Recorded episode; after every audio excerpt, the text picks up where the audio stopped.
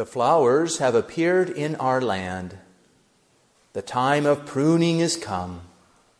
The vines and flower yield their sweet smell. Arise, my love, my beautiful one, and come, my dove, in the clefts of the rock, in the hollow places of the wall. Show me thy face. Let thy voice sound in my ears. For thy voice is sweet, and thy face comely. Catch us, the little foxes that destroy the vines. Words taken from the Canticle of Canticles and used for the gradual of Our Lady's feast day of Lourdes on February 11. St. Bernadette, as we know, heard the sweet voice of the Mother of God sound in her ears. She gazed upon her loveliness, she saw her smile in the cleft of the rock in the hollow place of the wall of Massabielle. Yet this was not the first time Our Lady came to a cave or worked out of a grotto. Here's our little bookmark we put before about these caves. When the fullness of time had come, when the Blessed Virgin Mary was to give birth to our Lord and Savior, Jesus Christ, when half spent was the night, when there was no room in the inn of Bethlehem, tradition tells us that the Holy Family resorted to a cavern like stable for the first Christmas. The virginal birth of the Word made flesh taking place in a cave forever set the pattern for how heavenly restorations of all time are initiated. Being rejected by earthly men, heaven resorts to caves. Interesting. No wonder Our Lady chose the grotto outside of Lourdes, where heavenly men, rejecting worldly ways, can find a cave of refreshment. God and His Holy Mother like to work out of caves. From his headquarters in the cavern, like stable of Bethlehem, His Royal Majesty sent angels to the Jewish shepherds and a miraculous star to the Gentile kings. He summoned the high and the low alike, and they all received the grace and healing. The restoration of all restorations had begun, but before long, the worldly men, that is, the foxes of this world, also responded. King Herod, among the first of the foxes, sought to suppress this heavenly work by killing all the baby boys in Bethlehem and surrounding area, hoping to destroy the newborn king and his promised restoration in its infancy. Like the demons in the river Gave, he was saying in his own way, Get out of here. Get out of here. This is my kingdom. Later, the religious authorities, namely Annas and Caiaphas, and that other Herod, whom our Lord and Savior called the vixen, he tried to outfox the restoration by putting the Savior to a most undeserved and cruel death through Pontius Pilate. Yet, as we all believe and know, his dead body, still united to the second person of the Most Holy Trinity, was laid to rest in the virginal tomb, a crypt, on Good Friday. And lo and behold, we know what happened. The heavenly repairs started anew with His Majesty's glorious resurrection on the first day of the week. And this time, it was unstoppable. Heaven resorting to caves, grace and healing flowing therefrom. Hmm, what's going on here? Consider a few more examples. King David fled to a cave in his flight from the diabolically possessed King Saul. We read in the first book of Kings all that were in distress and oppressed with debt. Sound familiar? and oppressed with debt and under affliction of mind, gathered themselves unto David in the cave of Adullam. And he became their prince, and there were uh, with him about 400 men. From that grotto of Adullam, King David slowly worked, but surely worked, to restore the promised land to God's chosen people.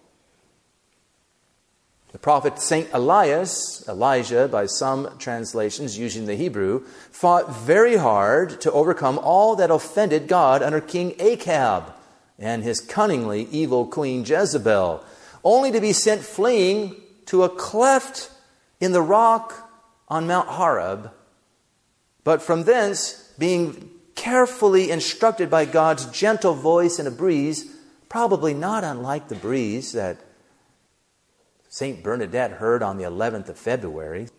St. Elias was able, from that breeze in that cleft, to start a restoration movement. Some would even hold that he started the Carmelite order itself, that continues even after he himself was taken up in a fiery chariot. Prophet Jeremiah took the most holy things of the Hebrew temple, namely the Ark of the Covenant, the altar of incense, and the old Mosaic tabernacle, and he hid them in a cavern on Mount Nebo. Just prior to the destruction of Solomon's temple by the Babylonian infidels. Yet this very same ark will someday be found again with the return of St. Elias. He's not dead yet, he's waiting to come back. So St. Elias will come back, and from that finding of the ark, from the very cave where it's located, the Jews will convert all mass to Christ, the one true church, and be saved from the grip of the Antichrist. And then it's the end. In a sense, the world is waiting for the conversion of the Jews. When they convert, time comes to an end. The Lord comes, the Antichrist dies. Well, the same story of grottos, caves, crypts, caverns as a place of divine refuge, restoration, grace, conversion, and healing is repeated over and over again down through the ages. Rome was conquered through the faithful Christians working out of the catacombs. St. Anthony of the desert and many other desert fathers fled the luxury of the world to live in holes in the ground from which they started a monastic movement that would preserve the church in the darkest days ahead. St. Benedict, the father of Western monasticism, fled opulent Rome and lived in a little cavern called Subiaco. Coming forth from this earthen shelter, he laid the foundations for 12 monasteries, 12 foundation stones for Western culture. St. Benedict is one of the founding fathers of Europe. It all began in a grotto. The 8th century Spain, very important right now to be thinking about this. 8th century Spain was all but lost to the Muslim Moors, except for a few hundred faithful Catholics taking refuge in a cavern of Our Lady in the northern part of Spain called Covadonga. From that hollow place, they began, with the help of the majestic Queen of Queens, to repel the infidel Muslims and ultimately cast them out 770 years later began in the cave. Coincidentally, the castle in Lourdes, very close to the grotto, was the last holdout for the Muslims in southern France. Charles Martel kicked them all out, and that was the last holdout. Lourdes, France. Interesting. Although many, many more examples could be provided, we can now see why Our Lady came to Lourdes and appeared to St. Bernadette from the grotto of Massabielle, and why this is a good mission theme, huh? Heavenly restorations, grace and healing of whole nations often begin with and flow from caves. This means Lourdes is a safe place to be looking for heavenly grace, healing, and restoration. Now, not surprisingly, just like our Lord, many foxes have tried to suppress the Immaculate Virgin's counter revolution and efforts of restoration. At Lourdes, she came to undo the evil effects of the Enlightenment upon France and the world, and as we have heard, hell fought back mightily and failed miserably, making a din in the waters of the River Gave, threatening St. Bernadette to get out of here or else. Officials from both the church and the state tried in a variety of ways either to ignore or silence the heavenly counterattack emanating from the niche in the wall and from its sacred spring. All their feeble efforts proved to no avail. Each and every one of them were countered and forced to bow down, as we've mentioned, and accept the sweet commands of this heavenly queen. Even as the 15 days were progressing, Abbe Peyramale, the Dean of Lourdes, noticed the increase in the number of confessions, as well as the increase in virtue of his people. It was as if Our Lady were conducting her own kind of mission. He was impressed. He's starting to think there's something really going on here that's worth looking into. Since then, we know well that millions upon millions upon millions have found their spiritual, mental, physical health restored by making pilgrimage to Lourdes, by washing in and drinking of its waters, by going to confession, kissing the ground, and praying the rosary. And that is what I want for you too.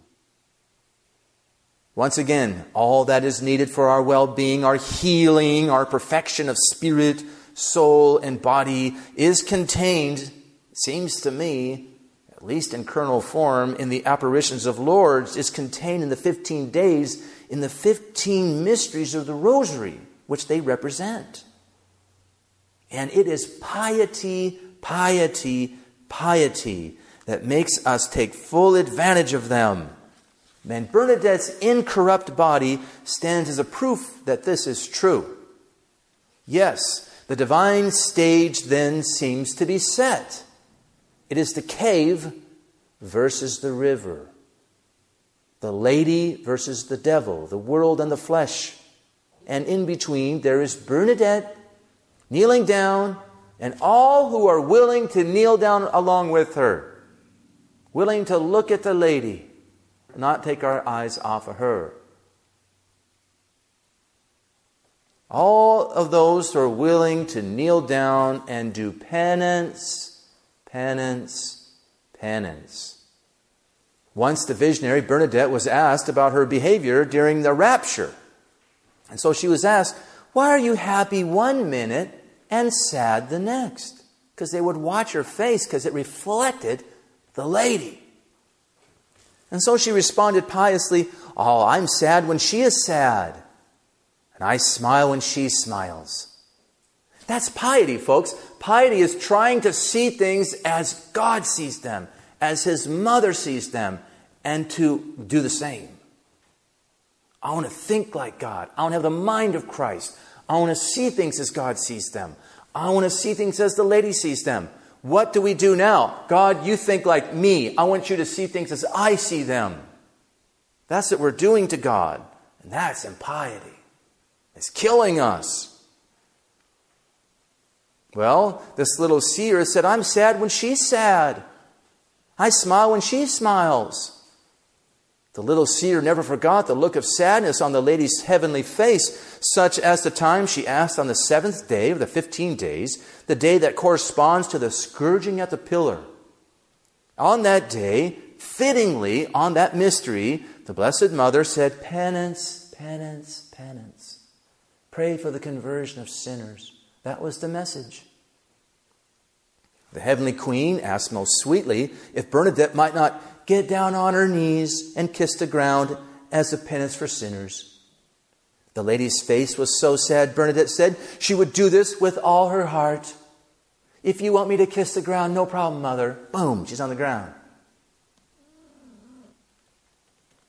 This is piety that we should want too. That which makes even difficult things a delightful service. Where there is love, there's no labor. But what about that threefold request for penance? Is that just kissing the ground for sinners? At Fatima, the angel depicted in the vision of the third part of the secret repeated the same threefold request of Our Lady of Lourdes. Remember, he has a flaming sword and he says, Penance, penance, penance. With this penance performed, in the vision, it's shown that the heavenly queen was depicted as putting out the flames of God's wrath coming upon the world. It's a very powerful image. If we do our part, she can do her part. We must cooperate then. We must do our part to end the wrath that is upon us.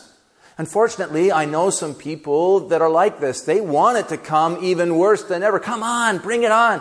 Maybe there's some truth to that, but you know, that's not how we are supposed to think. We're supposed to be like Our Lady, trying to hold up the arm of God, trying to prevent the wrath. For we know not what we want if we want that wrath to come. Can we endure it? Will we survive it spiritually? Don't be presumptuous and think, oh, yeah, I can handle it. I'm ready. Oh, really?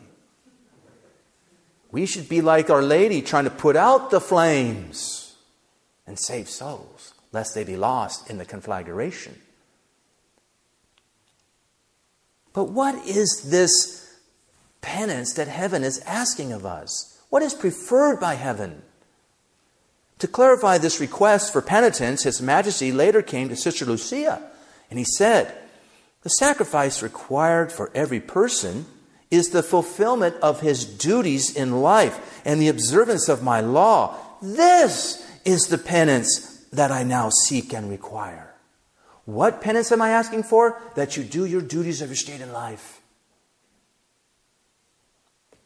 Now, it seems to me that with a detailed examination of conscience, such as the one we provide for this mission, most are able to identify their sins, their infractions of the law with some accuracy, but not readily their duties. Our Lord's command to observe His law covers both the natural and divine law, namely the Ten Commandments and the six precepts and the church's explication of them. Find them in the Catechism. These laws show the boundary lines between the love of God and the love of self. If you love me, our Lord said, keep my commandments. If you love yourself, you're not going to keep them. So these laws show us where love of God and love of self begin. These are the laws, they provide us the lines between life and death. Our Lord said elsewhere, If thou wilt enter into life, keep the commandments. This is the difference between life and death. That's the borderline. Again, the usual infractions of these are listed in a good examination of conscience. Such an examination provides with what sort of things we fall into when we fail to fulfill our duties. Yet few, including myself, seem able to map out the duties owed to God and to neighbors so that they fully embrace the request of our sweet heavenly Queen to do penance, penance, penance. In other words, to know our duties and to keep them is the same as staying in our cave alongside Bernadette and all the saints. That is what our cave is, folks.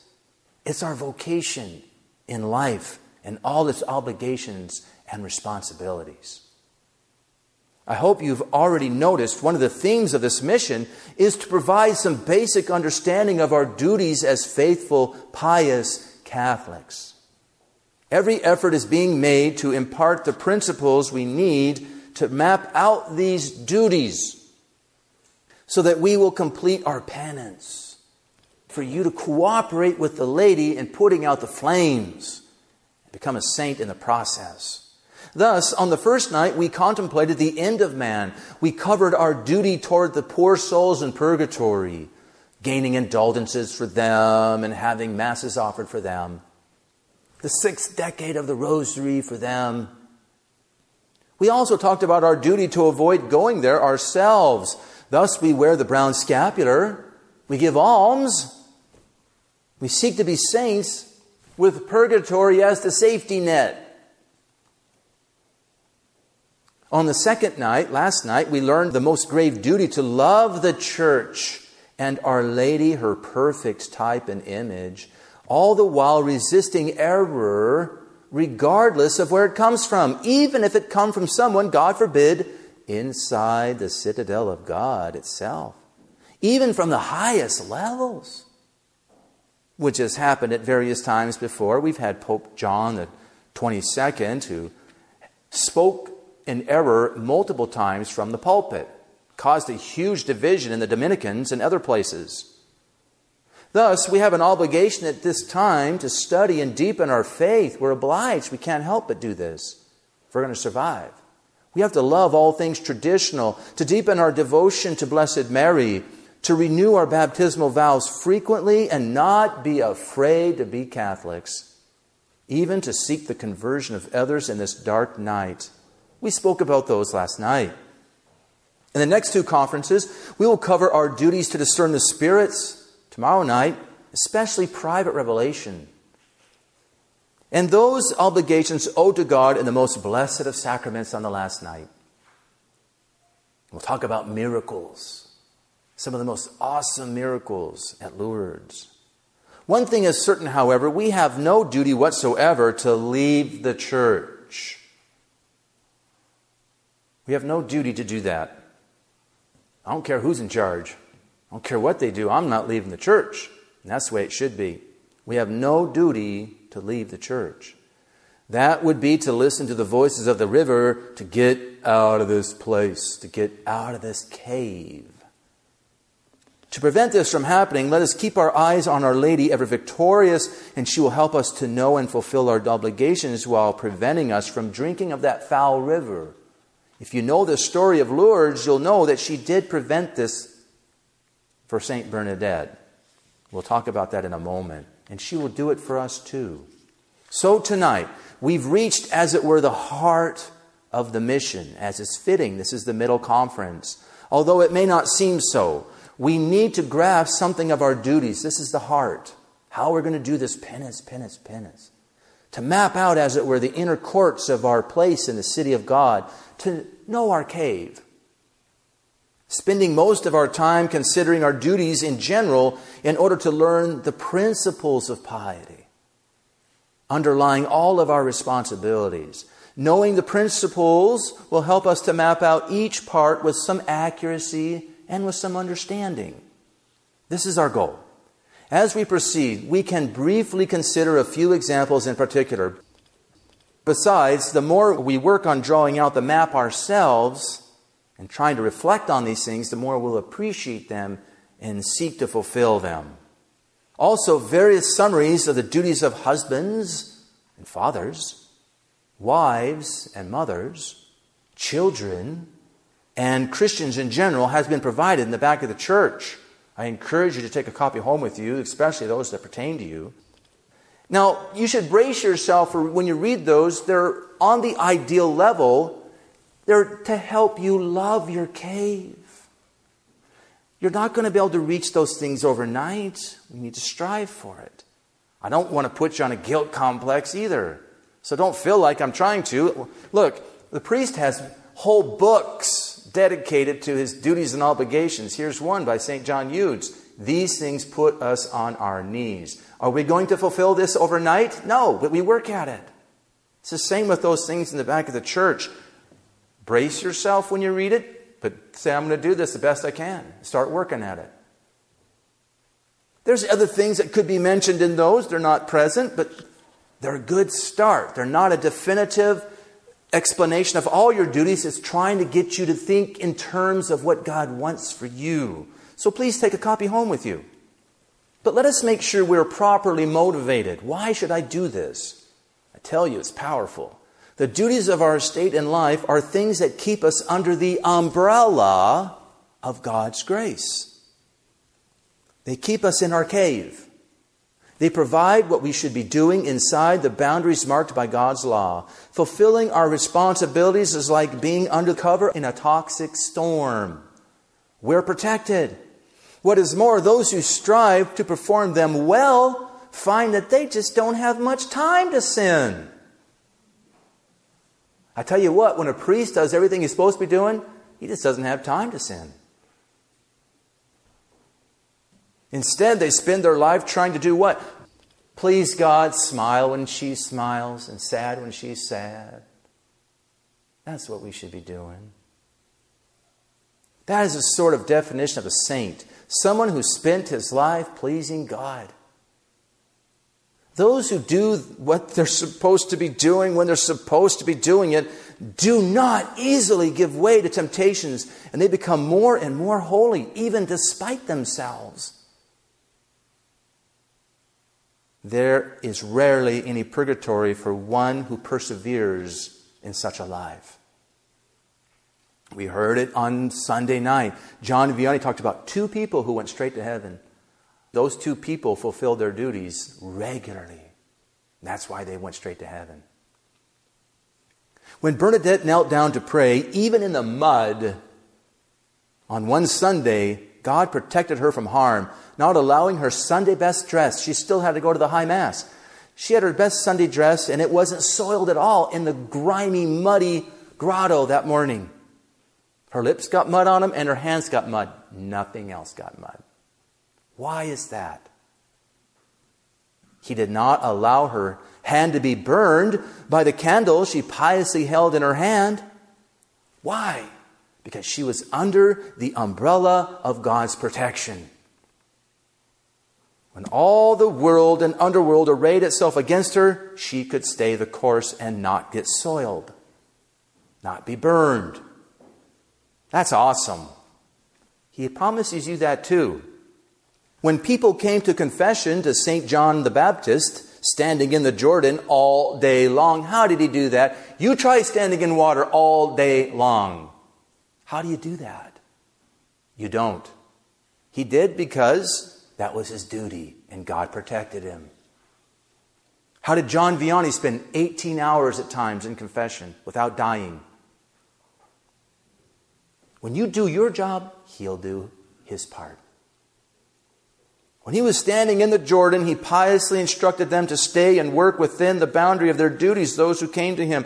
Thus, in the gospel, we hear these words The publicans also came to be baptized and said to him, Master, what shall we do? But he said to them, Do nothing more than that which is appointed to you. Interesting. And the soldiers also asked him, saying, Well, what shall we do? And he said to them, Do violence to no man, neither calumniate any man, and be content with your pay. So, knowing his boundaries, St. John Vianney often sent penitents back to their own pastors for the solutions they required. I'm not the right person for this. You need to go back to your pastor. St. Bernadette sent them to the grotto and a spring. In fact, she was repulsed by anyone seeking a cure from her. What is more, she always kept to what she knew in answering the endless questions about the apparitions, all the while remaining her maintaining her secrets. They're always trying to poke at her to get them out of her. People were going outside of the proper limits with her all the time. They violated many virtues in trying to get her to speak of something they had no business knowing. They tried to treat her like a saint at one moment, other times they probed, they had no business. No wonder Our Lady said, I promise you happiness in the next, but not in this life. We cause others pain when we violate our limits. Well, because of this fidelity to duty, when that host of devils came to attack the girl Bernadette, she did not have to do very much at all, but just stay focused on the lady. She did it all for her. I don't know about you, I'd rather have Our Lady take care of the devils than me to take care of them. She just needs to look at them, one sovereign look, and they're gone. They're packing. They're gone with a headache. When Bernadette tried to drink of the river Gave, mistakenly thinking it was what the virgin desired, she was going to drink of that foul river where the devil was from. What happened? Our Lady said, No, no, don't go there. Come over here. She prevented it. She wouldn't allow her to go outside of her boundaries. So, when being threatened with jail time, St. Bernadette responded, ah, I fear nothing because I've always told the truth. She would even mock the jailers. You better tie me up tight and hold me in so I'm going to get away. Little girl speaking to officials. That's amazing. God is faithful. If we remain faithful, He will not abandon us. Bernadette had been faithful to her commission, and God was faithful to her all the way to the end. And today, as we know, she is very beautiful and incorrupt. How very often people today get angry and frustrated why this anger? Why this frustration? So many try to fix things and all their efforts fail. We have all these blogs. They got the answer to everything. They know. They got these insights that you're supposed to watch and check in on. They know how to solve all the church's problems. Why this failure? These people are angry, by the way. You ever notice that? A lot of them are angry, use foul language. Because they're outside of their caves. They're doing things that are outside of their boundaries. They've extended their duties beyond their limits and have come out from under the umbrella of grace. This is not part of God's plan for them. I'm not talking just about bloggers, I'm talking about anybody who gets angry and frustrated. When you find yourself getting angry and frustrated, chances are you're outside of your boundaries. There's no grace out there, and you're in for it. And God's letting you feel it. You've left the boundary layer. Get back in here. Not surprisingly, when you get out there, you start hearing voices sound. Give it up. Get out of there. Get out. Leave. Can't do it. What's the use? Oh, how tempting it is to run away when we're angry and frustrated or have failed, to pull back and hide somewhere and leave off our responsibilities and replace them with things we like. I don't like those people anymore. I'll find somebody I like. Many priests have left the priesthood. The religious lay aside their habits and rule books and leave their convents. Married couples divorce. Children run away. They all end up what? Drinking deeply from that river and do many things that are not pleasing to God. The message is plain. Know your place. Know your cave. Stay in your cave, come what may, because when we leave off performing our duties, we put ourselves within reach of the floodwaters flowing from the devil's mouth, and oh, how easily it is to take a drink. And at first, it tastes pretty sweet, tasty. We're carried away and drowned in those very enticing waters. As you are most likely fully aware, there have been many drowning victims. We can count them among our relatives. Our duties of our state, therefore, are precious. They're valuable. Know them. Love them. Get down in your cave and kiss it. Thank God for my cave. Help me love it. If you don't, start praying to. Lord, help me love my vocation. Help me love this cave. I don't want to ever leave. The cave shows us where God's umbrella of grace is located. The desert fathers living in caves gave this simple counsel don't leave your cave, don't leave your cave, don't leave your cave. Stay inside. And not surprisingly, the devil did all he could to get them out. Get out of there.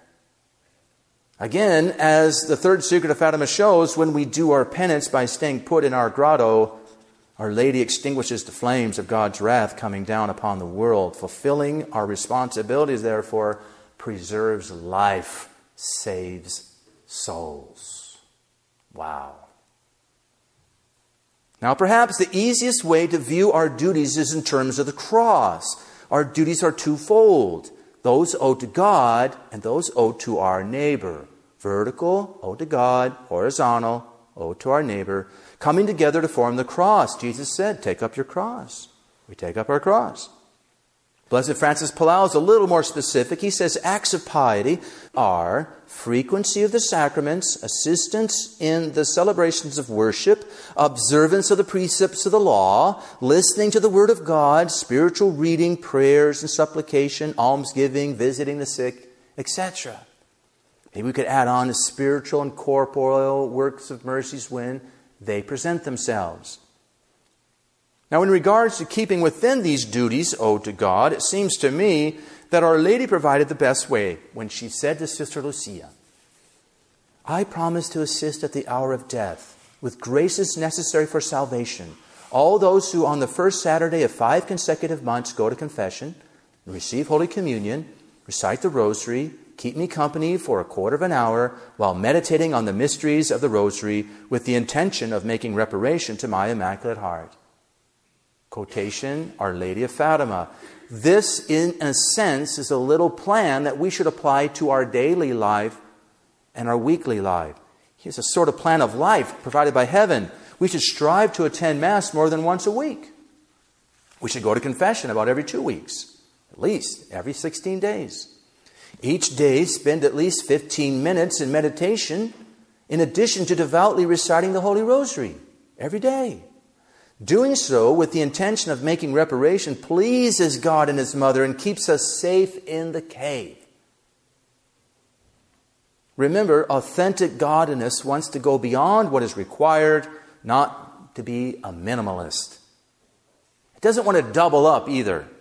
If you're going to pray the rosary, I'm not opposed to praying the rosary when you're driving down the road, but that shouldn't be your only rosary. You should have some time in your life dedicated to kneeling down and saying the rosary with devotion. And then you can say the other two rosaries when you're driving or whatever. There should be no rushing through the rosary, but devoutly reciting it at a dedicated time. Stay faithful to this, and we will be doing well on the vertical. Now, those duties of the horizontal bar are arranged carefully in a hierarchy. This is extremely important, meaning that certain things must be fulfilled before others. After we love and serve God and His church, we next seek the good of our family, relatives, friends, and co workers in that order. Even in the family, duties are fulfilled in a certain order. For example, a father must first take care of his wife and family before all else. She must take care of him before all else. I've seen fathers gone a lot working on all these works of mercy for the church. Meanwhile, wife and children are home alone. That's not right. Leave that work to some older gentleman whose children are grown and left the house. Your job is to be at home. Each of these duties demands the practice of certain virtues, and the handouts, I believe, explain these things. Maybe something that's not mentioned, I want to mention, is that it's very helpful if parents give memories to their children. Parents, if I could tell you one thing, this is what I'd tell you work hard at giving your children good, healthy memories. Because if they go astray, if they drink from that water, from that river, the memory will be how God brings them back. They'll remember what a peaceful life they had and how wrong they were to leave it. Give them good memories and you'll be doing well. We got the vertical, that's for God. Horizontal, that's for neighbor. Put them together, we got the cross.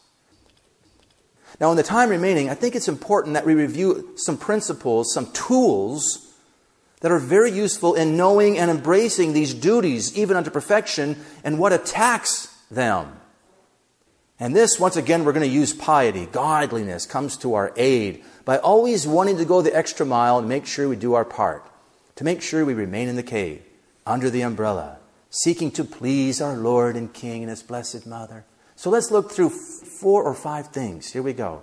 Number one, again, Piety is never satisfied with less.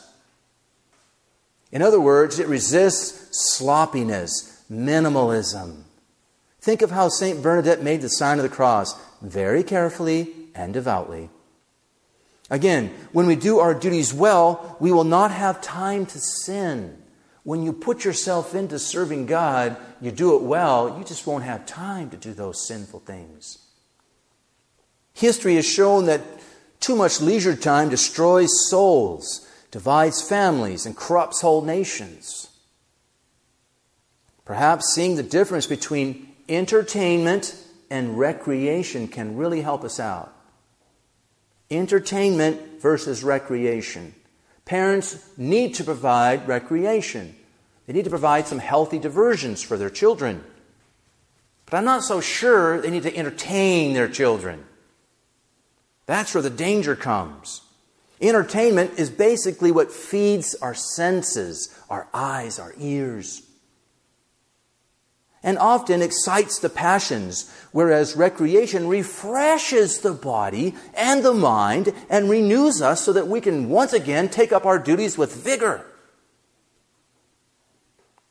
Entertainment includes things like, you probably guessed it, Things like movies and video games, which rarely, if ever, increase our piety.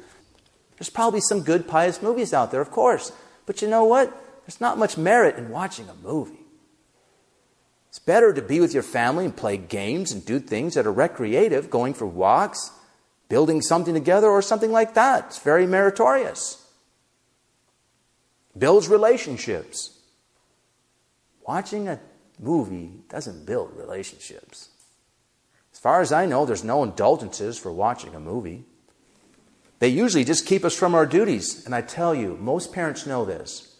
If they have a TV or a movie or something, they find that a lot of the contention in the family flows from that. I can remember when I was growing up, most of our family feuds took place around the TV. Us kids would get these big fights on who was going to watch what and when and where. We need to provide healthy diversion so that we can return to fulfilling our duties with vigor. Seek recreation, not entertainment. In order to maintain the proper boundaries, piety enjoys hearing or reading about how the forefathers did things, thereby loving all things traditional. So, the second thing about piety is that when pious souls hear how things used to be, it perks up and wants to do the same even now. It doesn't need to understand every reason why they did that. It just knows that this is what my forefathers did and it must have been good and I want to do it too. If they did these things, let's try it out. If they wore chapel veils of old, then piety wants to wear one now. Maybe they don't know all the reasons why, but they did it before. I want to do it now. That's piety speaking. If they always genuflected when crossing in front of the Blessed Sacrament, they want to do it again. They want to do it now. If they dressed up especially for Mass on Sunday, it's piety that moves us to do so again. Thus, we must study and know the faith most especially from the lives of the saints and from our beloved ancestors. Let us then always be reading the lives of the saints and studying history. I tell you, this is one of the problems in religious life. When these young people get into these religious communities and they see how the men are living now and they start to read about what they used to do and they try to start doing those things again because they did it and I want to do it. If they did it, I want to do it. And then pretty soon they go out the door. Not allowed to be pious now. Furthermore, perhaps most importantly, piety always seeks to maintain verticality in performing duties. It admires what is above it and what went before it so that pious souls can participate in the goodness found there. So it's looking up, trying to get higher itself. It admires what is superior in order to become superior over itself. As a result, godliness always recognizes a hierarchy. This is very important. It always recognizes a hierarchy and wants to do what is pleasing to those above, ultimately to please God Himself in doing so. So the pious soul recognizes the supreme place of Christ's holy church and of Christ's holy mother, of the clergy, of parents, anyone that God has placed, and here is a key line, or allowed, allowed to be placed in a superior position. Piety admires their place in the position of God's world without having to admire the person holding the position. I can admire the office without admiring the office holder. More on that in a moment. So piety always seeks to maintain verticality, not bring them down to my level or stand over them and ridicule them. That's an inversion. That'll kill piety. Fourth of all, this all makes piety self effacing, moving the pious soul to fulfill the rights of God and those of a superior before its own. If it's hierarchical, I got to do what they want before I do what I want. It does not look for a higher position or force itself upon others or offer unwarranted advice or undue counsel. It does not do things for show, that would be pietism and religiosity. All these are out of due order. Again, we know when we have overreached our God given duties. How do we know it? How do we know when we've gone beyond what we're supposed to be doing? We get angry. We get frustrated. We feel temptations to flee. Come out from under the umbrella. Look at your life. Find out the times you're angry. Trace them back, and you'll find out you stepped across a line somewhere. In any case, this makes godliness the backbone of our spiritual life, keeping it standing upright and able to look up at God and all times and all places, able to see His presence. Something the saints are able to do. Now, Bernadette's little brother recounts a simple little story just to give an idea of this. One day when I went to bed, too early, intending to say my prayers lazily in bed, Bernadette forced me to get up and pray properly. That's piety. That's verticality. Get out of that bed. Don't pray like that. Kneel down. True piety does not allow any slouching. It keeps self love at bay. It makes us look up. Now, given these few basics, we can now see what hurts or upsets our godliness, such that our piety is tempted to leave off its duties. We lose our piety. When that happens, the soul will experience anger, frustration, and temptation. All right. What's the first thing that upsets piety? Egalitarianism. Ugh. Egalitarianism. What's that? That's a fancy word that means basically there's no hierarchy. Came out of the French Revolution. All is flat, all is equal, all is level, which in turn leads to treating those in position of superior as equal. Or it can be like this superiors insisting on being treated like everybody else. A simple definition of humility is knowing your place and taking your place. False humility is stepping out of your proper place, stepping out of your cave. And that upsets piety. Unwilling to wear the proper dress, do the proper actions of your office and your state that upsets the piety of the people. Egalitarianism is an effect of false humility. In any case, whenever there's a flattening of hierarchy, godliness suffers. Things such as priests and religious dropping their titles. Just call me Bob. How about wearing lay clothes? Walking around without any sign that they're religious. How about the building of flat, round churches as places of worship? Does that make our piety inspire it in any way, build it up? Absolutely not. The use of common or vulgar language by someone consecrated to God. The use of profane music, art, and actions along with the sacred. Religious performing on stage, rock and roll, and all kinds of stuff from that river and so on and so on. When a faithful, pious soul is confronted with that, sees it and hears it, it becomes confused. It becomes unrestful. What's going on?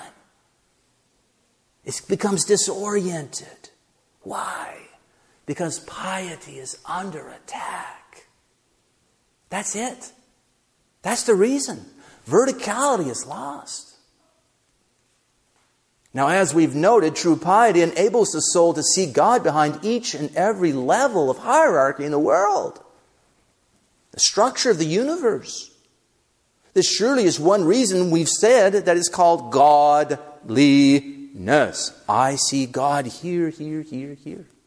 I see how He's working.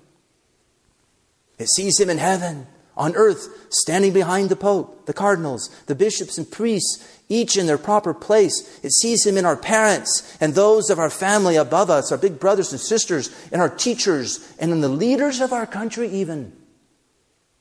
Piety worships God, as it were, standing behind all of these people, these positions.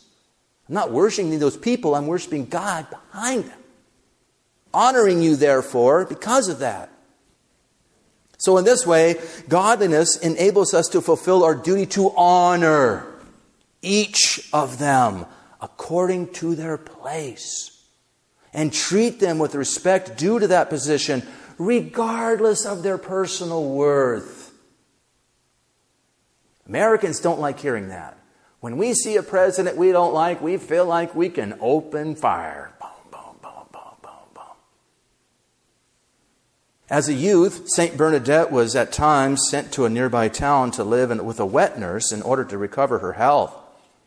As it turns out, she was not always treated well by this woman.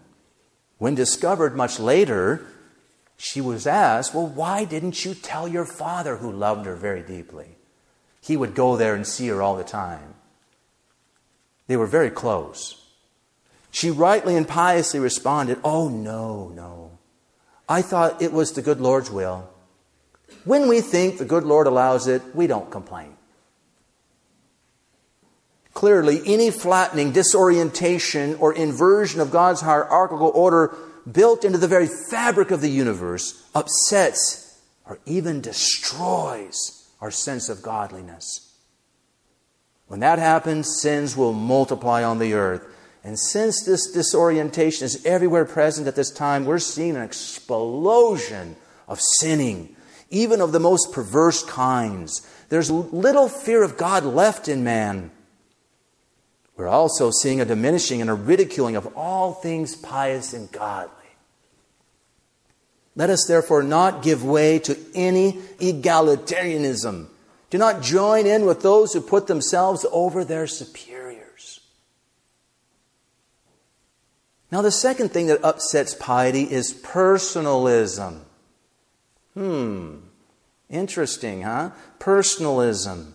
Again, a fancy word that basically means that we start with the human person in regards to everything. Man is the centerpiece, the focus.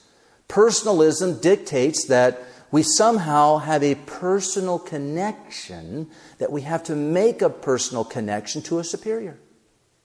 Whether it be our older sibling, a parent, a godparent, a teacher, a priest, a bishop, or even a pope or even various leaders of our state, governors, senators, presidents. Oof. If this personal connection is lacking, if we do not like them, how quickly we fail in virtue toward them. Have we not heard many things like, my older brothers, they were mean to me. My parents did this wrong or failed in doing that right. I'm leaving this family going back to that family reunion. I'm not doing all that. No way. I'm done with those people. Or how about this? This priest, that nun, that bishop, that pope, they're not very holy. Saying and doing things that clearly harm the church. I'm leaving the church. I left the church because I couldn't get along with that priest. I left the church because I couldn't get along with that nun. She gave me the ruler when I was in school, and I'm sick of it.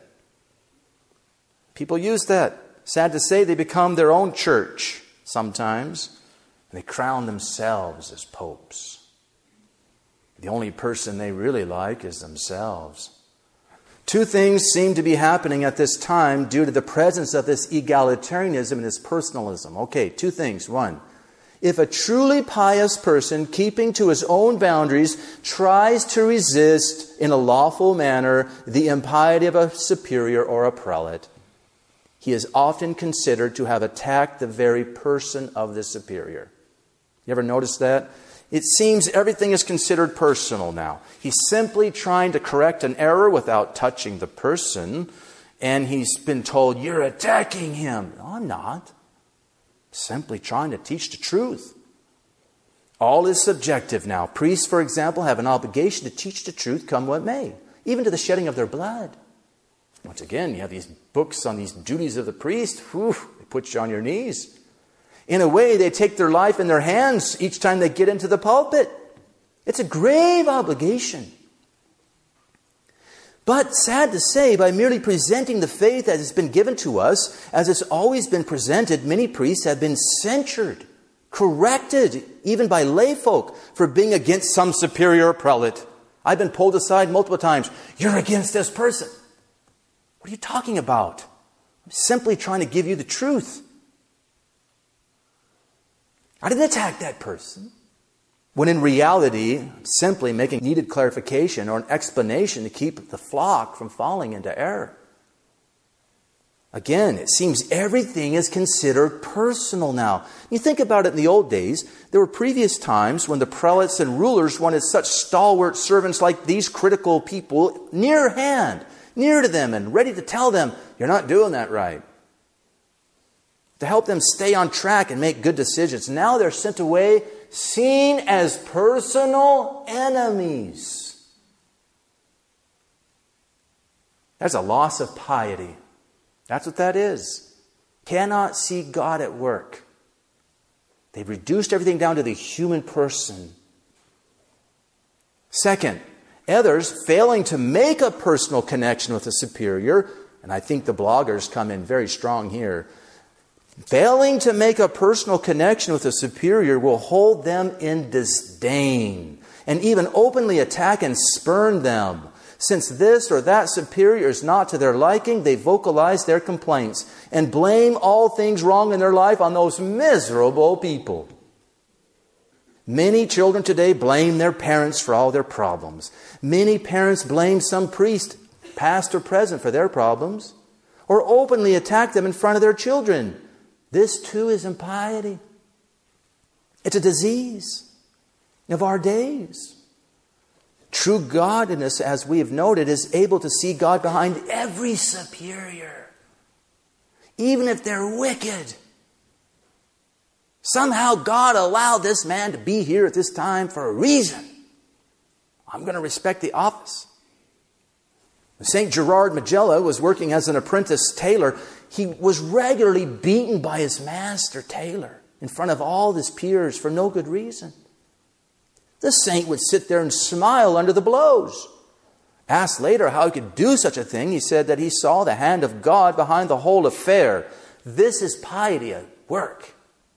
It's at its best. St. Bernadette, remember what she said? When we think the good Lord allows it, we don't complain. He allowed it. Wouldn't have happened if he didn't. If this is godliness, it is godliness that enables us to maintain our verticality and not lose sight of our end. Not allowing any human being to get between us and, and God, between ourselves and the heavenly lady in the niche. So, no matter how bad a prelate, a parent, a superior be, true piety demands we give them honor due to their place. That's hard. Now you know why our Lord said, Penance, penance, penance. King David had multiple opportunities to dethrone the wicked Saul. He was a man possessed by the devil. He was rejected by God. Wow. A man who tried over and over to kill David. Yet King David would not touch the Lord's anointed and would hear nobody speak evil of him. He rightly left him to God. Again, Sister Lucia of Fatima said, It is necessary not to let yourself be drawn away by the doctrines of disoriented contradictors. The campaign is diabolical, she said. We need to confront it without getting into conflicts. And that's what we're doing. And I think she says not getting into conflicts, personal conflicts is what she means. Our Lady seems to send this message wherever she goes, folks. At Lourdes, she insisted that Bernadette approach the priest to ask for a chapel, that it be built. Go to the priest, go to the priest, and ask that a chapel be built and that processions come here. They resisted, they belittled her. But Bernadette always honored them. Always. When Our Lady wanted a chapel built on Tepeyac outside of Mexico, she sent Juan Diego to the bishop. In this case, too, the prelate was difficult to deal with. This is highly significant. It is one of the hallmarks of a true voice of heaven. It demands that the hierarchy of the church, the bishops, and the priests be treated with due honor, come what may. Juan Diego, the bishop won't listen to you. Build your own chapel, Juan Diego. She didn't say that. Go back.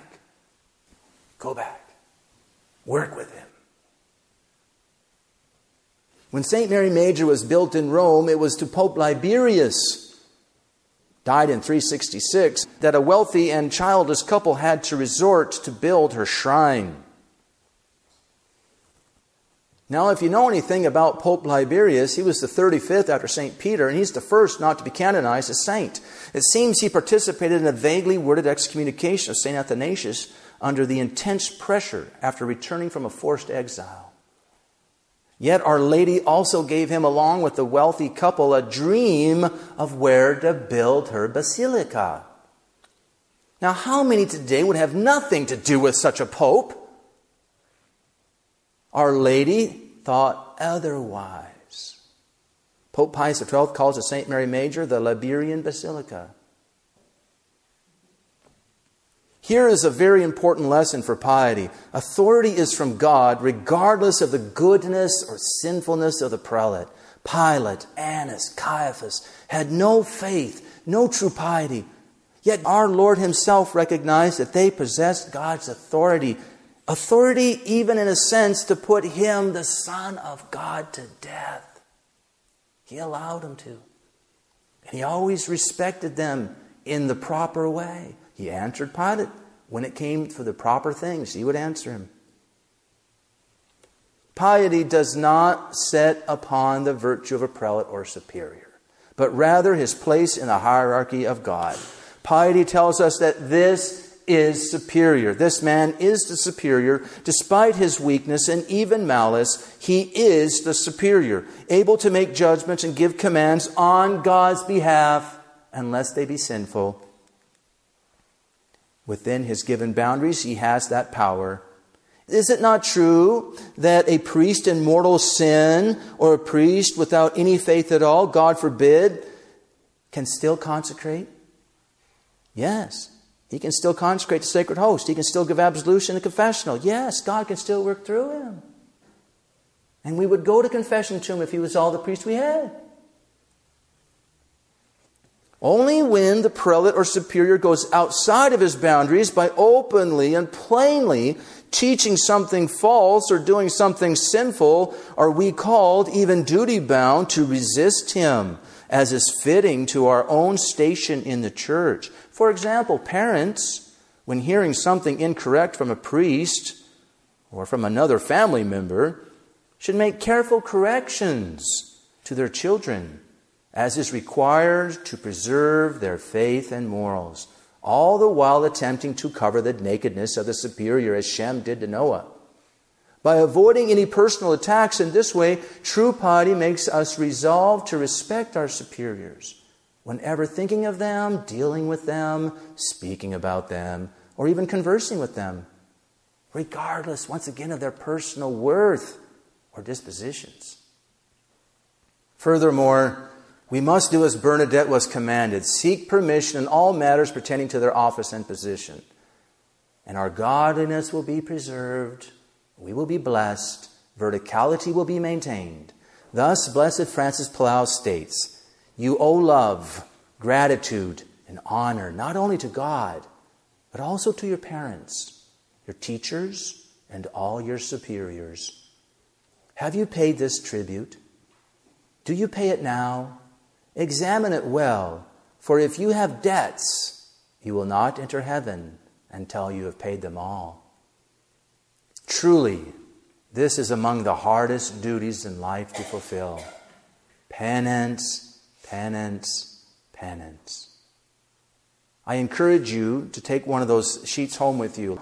let us once again summarize. Let us flee from the flooding river of doubt impiety, rationalism, egalitarianism, personalism, which tries to level and invert God's created order. We must avoid becoming bad Catholics. Now, here's some things we can do as dutiful and pious Catholics. We mentioned tonight strive to stay in your cave. Come what may by mapping out your duties owed to God and to man, piously fulfilling them. This will require we study our faith and its obligations. Again, there's some handouts available in the back of the church. Number two, maintain honor and respect due to those in positions of authority, regardless of our personal like or dislike for them. St. Paul says, Let every soul be subject to higher powers, for there is no power but from God, and those that are are ordained by God. Therefore, he that resisteth the power resisteth the ordinance of God, and they that resist purchase to themselves damnation. Wow. Romans chapter 13. Bernadette always sought permission from her parents. Bernadette went to the priest. David left the wicked Saul to God. Number three, finally, stay focused on the lady in the niche, the hollow place of the wall, by fulfilling the first Saturday devotions and making them more relevant even to daily life. Consecrate yourself and everything you own to her, and she will help you overcome all the foxes and the voices that are coming from the river voices of egalitarianism, rationalism, and excessive personalism. Would you do me the kindness of coming two more nights?